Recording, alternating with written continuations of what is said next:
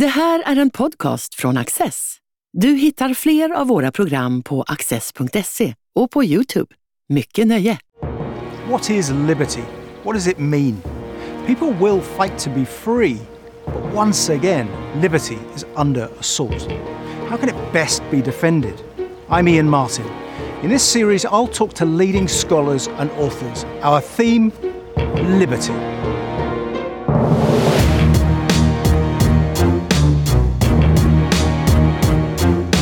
Dr. Rob Johnson is the director of the Changing Character of War Centre at the University of Oxford. He's director of the Office of Net Assessment in the Ministry of Defence in the UK and an expert on the history and future of warfare. How can those fighting for their liberty best be assisted and supported? Rob Johnson, what pushes people to fight when they will not see the fruits of their victory? It's one of those paradoxes, isn't it, of history that um, people are faced with imminent destruction, um, but somehow are driven to some cause for which they wish to fight. Um, I don't think there's a clear answer, but I think what we tend to do is sanitize it to two categories the push factors and the pull factors. So, what pulls people in is a sense of community and identity. Um, whereas the, what's driving them often may be more disturbing. Um, the idea they might be looking for revenge or that their family have been wronged in some way. And some, of course, are quite mercenary and maybe be drawn into a cause for a lot less noble reasons. But I think it remains a paradox. We're never quite sure because everyone's individual behaviours are shaped by their own circumstances and by their own context.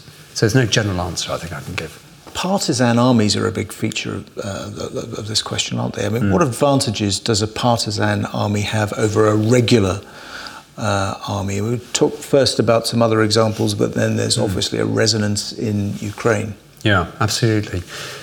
So, regular armies, you know, have, I suppose, the advantage of clear resourcing, um, clear direction. They tend to be highly trained and therefore conditioned to accept a high degree of loss and yet remain cohesive and purposeful. The advantage I think partisan armies might have is that while they're less well trained, it is that powerful and intangible sense of motivation that gives them that edge. There's also the kind of practical example of the fact that they can use stealth to their advantage. So, where modern regularized armies um, will focus much more on tempo and intensity, partisan armies can choose more often when and where to fight, so they can use stealth to protect themselves. Now, what they sacrifice, of course, is that intensity, that tempo, but it gives them a chance to survival. And if we're talking about the question of liberty, you know, why do these people engage in these higher risk activities? Is actually, interesting enough, their chances of survival are slightly higher than those conventional forces that are caught up in a, in a war.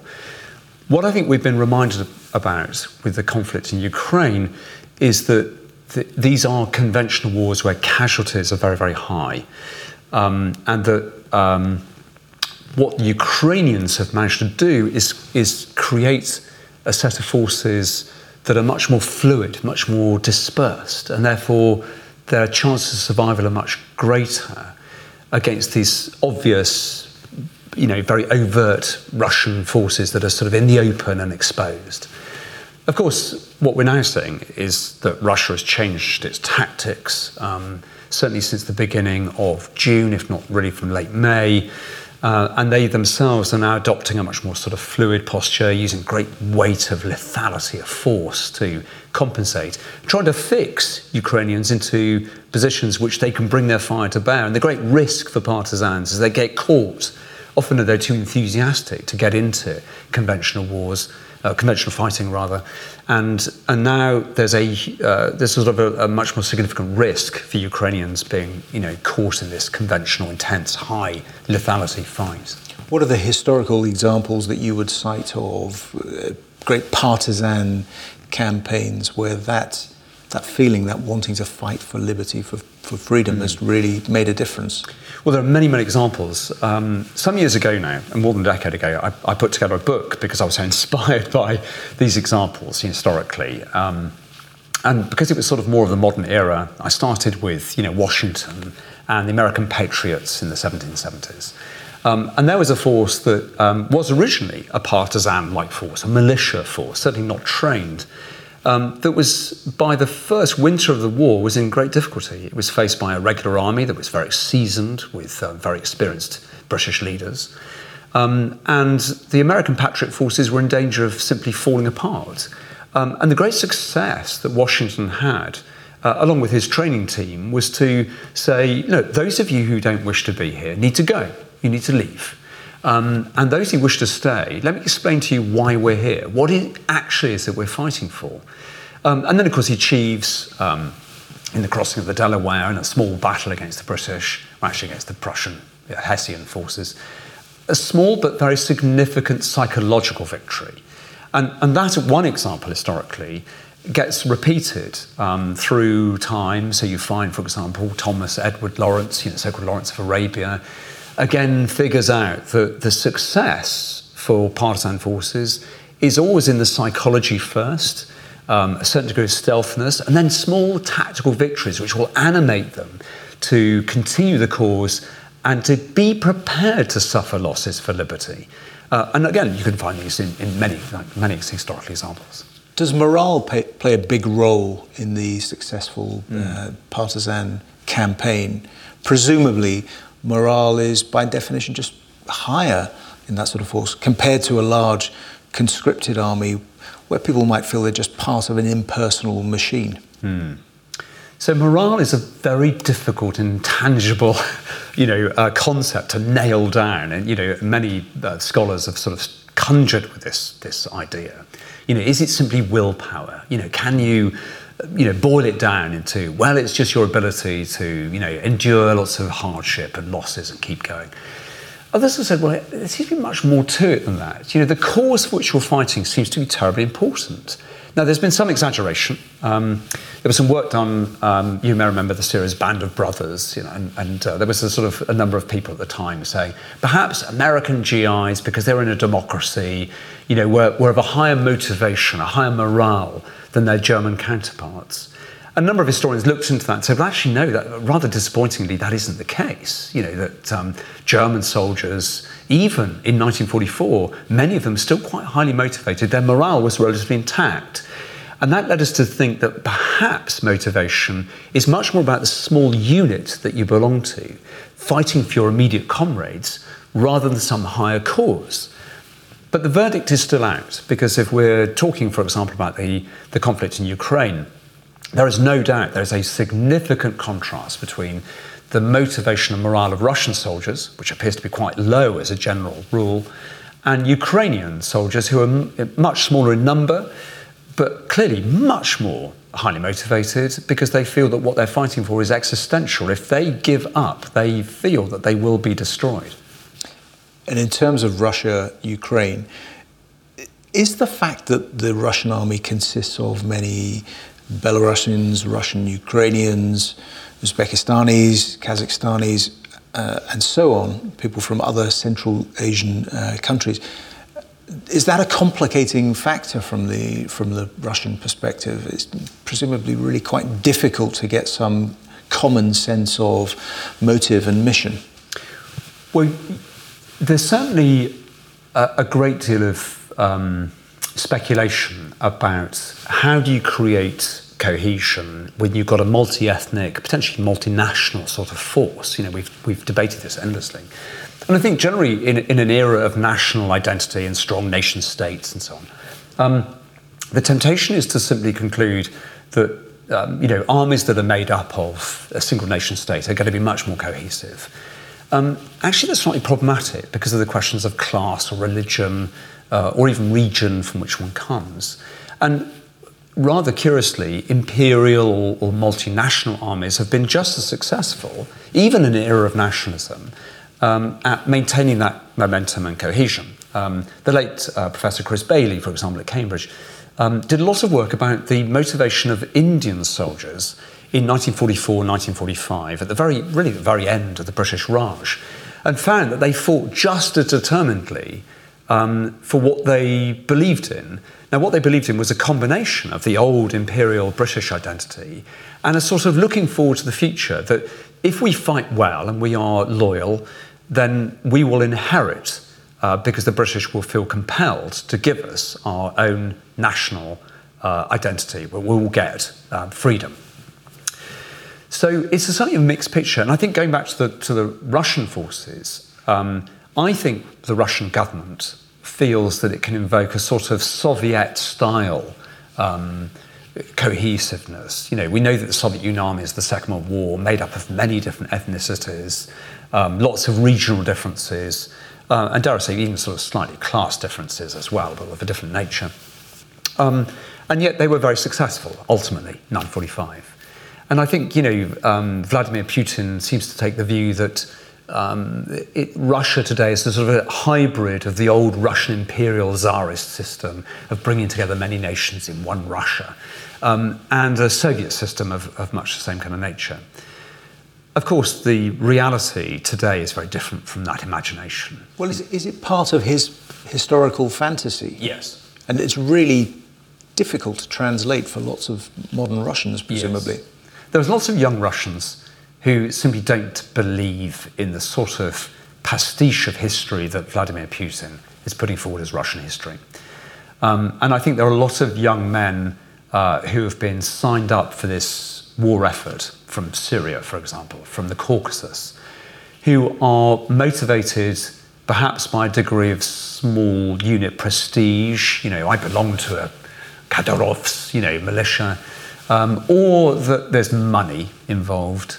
Uh, and there's certain promises to the future which may never be fulfilled, even though they believe they to be true. Um, I think a, that's the sort of major motivational factor for them. Do they feel they're fighting for a sort of new, united Russia under Putin's leadership? I suspect that's a very, very limited motivational factor for them at the moment. There seems to be some suggestion that women are more likely to participate in uh, partisan warfare rather than conventional warfare. Mm. Why, why is that, and what's the consequence? Well, you know, it's absolutely the case that there are many more women involved on the Ukrainian side in the conflict. Um, it's because the general Ukrainian view, if, if I can generalize at all, is that um, they're fighting for their very survival. Uh, and I think what's come out of these, um, the news of the atrocities that have occurred um, in the wake of uh, areas that were overrun by Russian forces is that by far the, the biggest losers in, in that occupation have been women. Um, there are dreadful stories, uh, which you will have read and heard of, um, of how women have been treated, and children too. Um, and I think, you know, there are some young women in Ukraine who feel that they have the obligation to fight for their country and for their communities, just the same way that men do. Um, and, you know, I think we also live in an era where you know, women in the front line, women in combat, is uh, we had that debate many, many decades ago, and, and I think certainly the old Soviet tradition was that women have a part to play. So you know, we know from the Second World War, you know, there, there were entire air squadrons made up entirely of women. Um, there were tank units of women. Uh, there were infantry who were women. Um, so uh, that was already a long established idea, but I think the particular circumstances of this conflict mean that women feel strongly motivated to be there defending family and to some, you know, in some occasions also for vengeance. And the Ukrainian conflict I mean, hasn't panned out as many experts anticipated. So essentially, Zelensky's held the line. Any Russian attempt to dominate the entirety of Ukraine seems to have failed.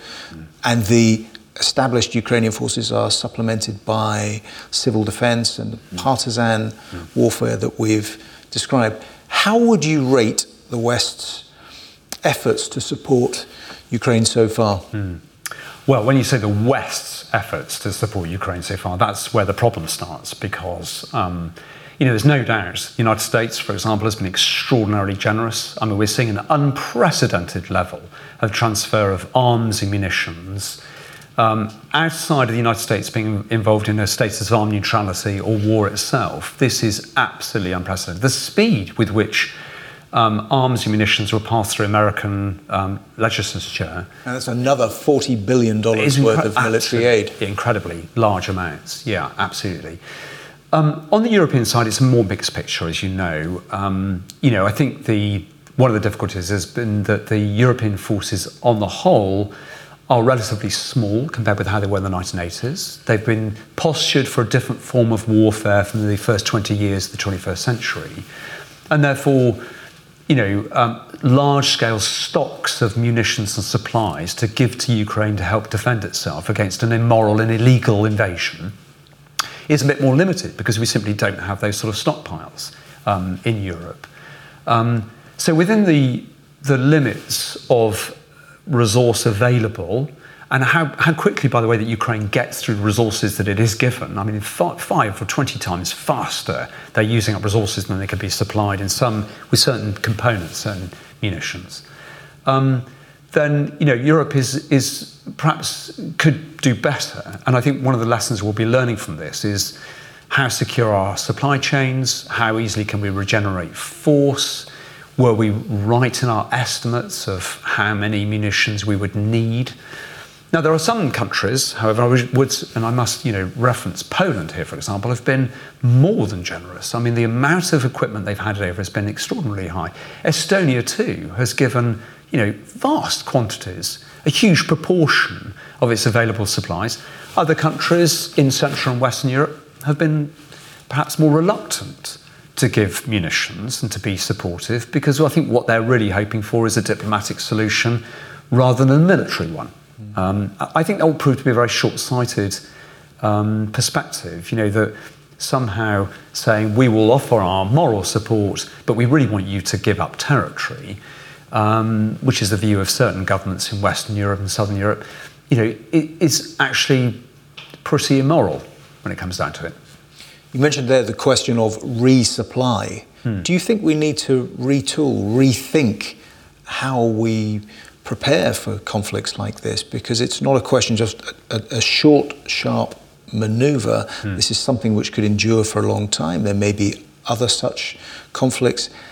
And industrializing hmm. or reindustrializing our war machines is surely going to be necessary. Yes, not, when we have to consider all these, you know, future wars, um, I think the temptation is to think in terms of stockpiling as if there's going to be some sort of industrial war based on production lines, as there were, for example, the Second World War. So not like the Second not World War, not, not the world of Albert Speer, not that. That's right. Yeah, this is rather different. But I do think there are some things about quantity that really matter. So, for example, if we looked at the number of drones, that, you know, uh, strike drones as opposed to surveillance drones that one would need for modern high-intensity conflict, you know, the estimates have been quite low. Oh, we might need, you know, maybe 5,000.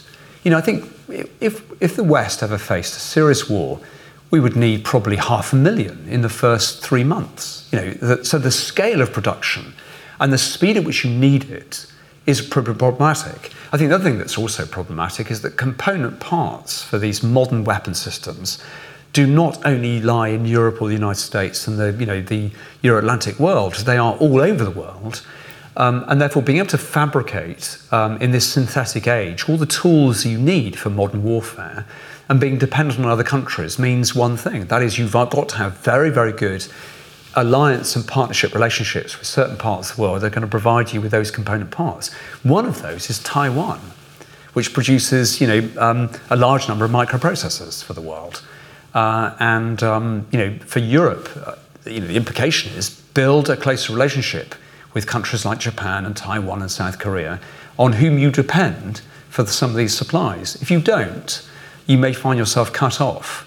Um, and uh, so there's a, there's a really big geostrategic implication for the ways that modern wars are going to be fought. So you need really a network of allies. I mean, it, it does mm. sound a bit familiar, but what was called the, the notion of D10, the democracies, mm. before the Ukraine war, which is the Five Eyes yeah. countries plus associated allies, principal among them Japan. Yeah.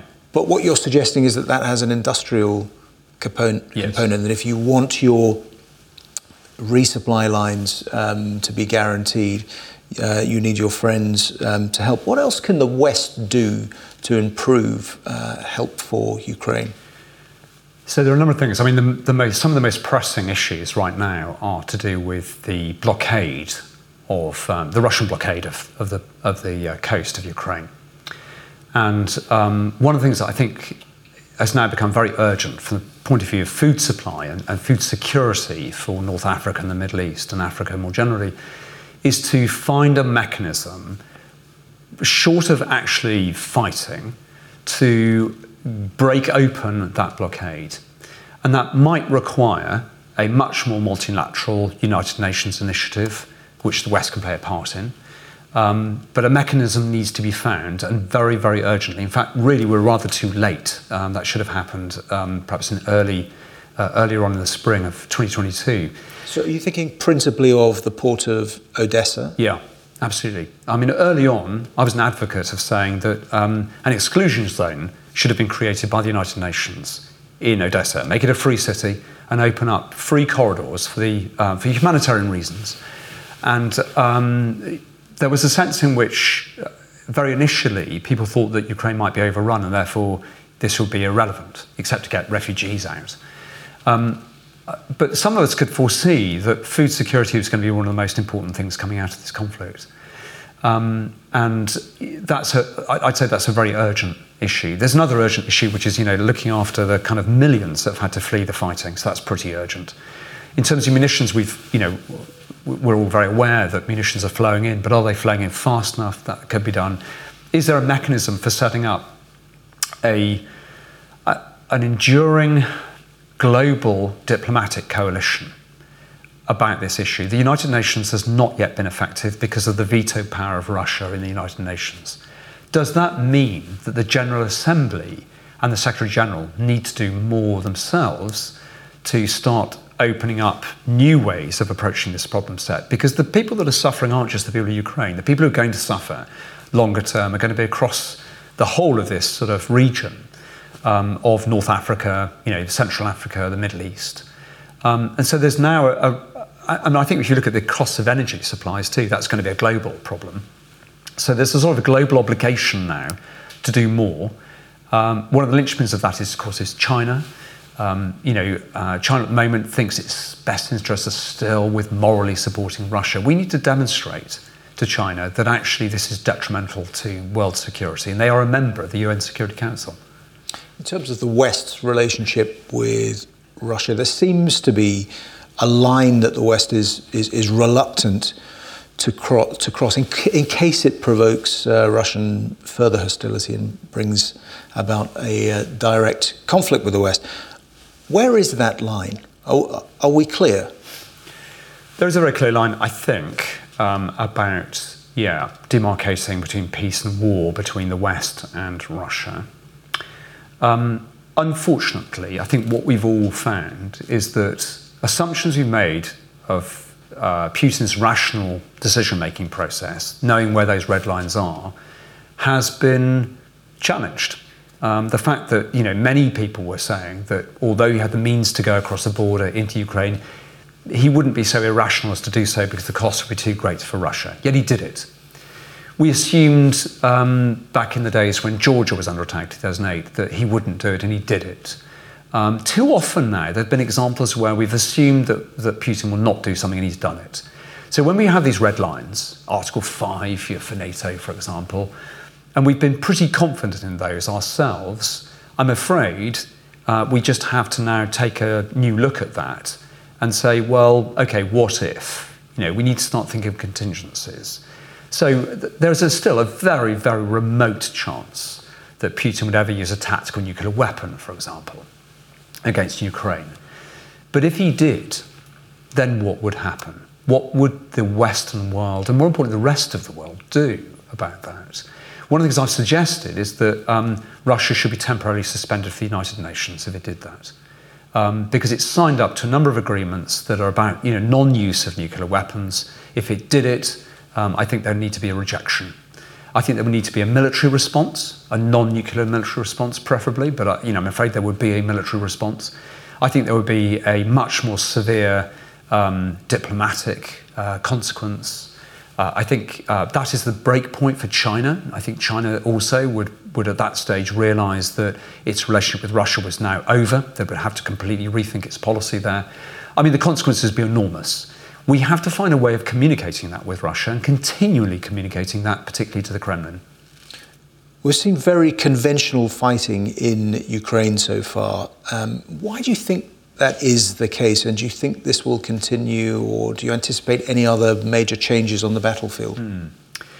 Well, we've all been watching intensely what's going on in, in uh, the conventional fight. Um, and we have seen you know, some pretty significant changes already. Um, the, the shift from that sort of early attempt at a coup de main with sort of air assault forces and land columns coming in, and then a shift in this most recent phase um, in the uh, late spring, early summer of 2022 of a much more fires-led, you know, artillery-led, sort of missile-led sort of policy by Russia. And yet wave after wave still a conventional thrust, which kind of break down and fail and suffer terrible casualties. Um, what I think, you know, most people are expecting is that things will begin to sort of slow down, that the intensity will peter out because Russia cannot sustain the high intensity fight with the forces it has um, it's got to do one of two things. It's either got to mobilise fully, in which case it's a political failure because Putin said he'd never, you know, wouldn't recognise this as a war. This is a, in his view, a special special military operation. Well, you know, it sounds like that's a nonsensical explanation to me. Um, but he either has to intensify in that way, I expand the war, or it has to settle into a sort of stalemate with periodic. Um, you know, bursts of activity, a, a small thrust here, a few kilometres, driven back perhaps by the Ukrainians. And the Ukrainians are probably launching their own counterattacks here and there. So we're expecting that sort of stalemate. Now, we should always, though, be prepared for strategic surprise. Um, and it, one of the things that, that might happen in places like Kherson uh, or in the south is that we may see the growth, uh, the intensification of partisan activities by Ukrainians who are simply angry at this military occupation, who may take to some form of urban guerrilla warfare, um, who may we may see a sort of an enduring, protracted attack on Russian supply lines, fuel lines, railway lines being blown up, transport disappearing off tracks, maybe even assassinations of prominent Russian military personnel. You know, I can imagine that being a development because neither side perhaps would want to carry on the level of intensity today. Ukraine be looking for ways of simply prodding, tilting, and inflecting Russian occupation, making it ever more expensive, ever more difficult, which has always been the approach of those seeking liberty who adopt partisan warfare. We've been talking about liberty. Liberty is at the heart of what the Ukrainians are fighting for. Mm. Can they win? Yes, no doubt about it. Um, now, the extent of that victory is hard to nail down. Um, but there's every indication that with the continued resourcing supply by the Western world to Ukrainian forces, they've got still you know, significant manpower reserves. Uh, they're still training people. Um, they could continue to build up their strength over a period of time. They can hold the front line. They can, you know, privilege the defence over Russian attacks, which are not very effective. Um, they can impose terrible costs on the Russian army um, you know, the Russian army might hope to make 20 kilometres a day, they barely make three. Um, and as they build up their strength, they may marshal those resources in such a way as to choose a point in time and place to launch very, very significant counteroffensive operations. What has Russia got to offer? Russia can continue to grind away for some time yet, maybe another you know, couple of months. But then it reaches a point of culmination where it can't really go any further forward. It can't adopt a partisan strategy. It's not in a position to do so. Um, and really, its options are really only to remain where it is and suffer more casualties or withdraw. So I think there is a really strong prospect of Ukrainian victory. And what I think what motivates Ukrainian soldiers and militia and personnel is that is a strong sense of this story isn't over until we decide it's over. If you militarily occupy us, you can continue to crush individual units but you can't destroy the spirit of liberty, which carries on um, ad, ad, infinitum. I mean, Karl von Clausewitz, in a letter to uh, one of his colleagues, in light of a conversation with Scharnhorst in 1812, and, and, in light of his own experiences in Russia, ironically, of all places, against Napoleon, had said that even when French forces crush small uh, Russian units, that spirit of liberty, that spirit of resistance, just keeps coming back. And he was reflecting on the American Revolution, you know, against the British, that the British kept winning battles, you know, driving off these militia forces, and yet Americans wouldn't give up. And I think that is the story that we're seeing unfolding. Rob Johnson, thank you very much for joining us. Thank you.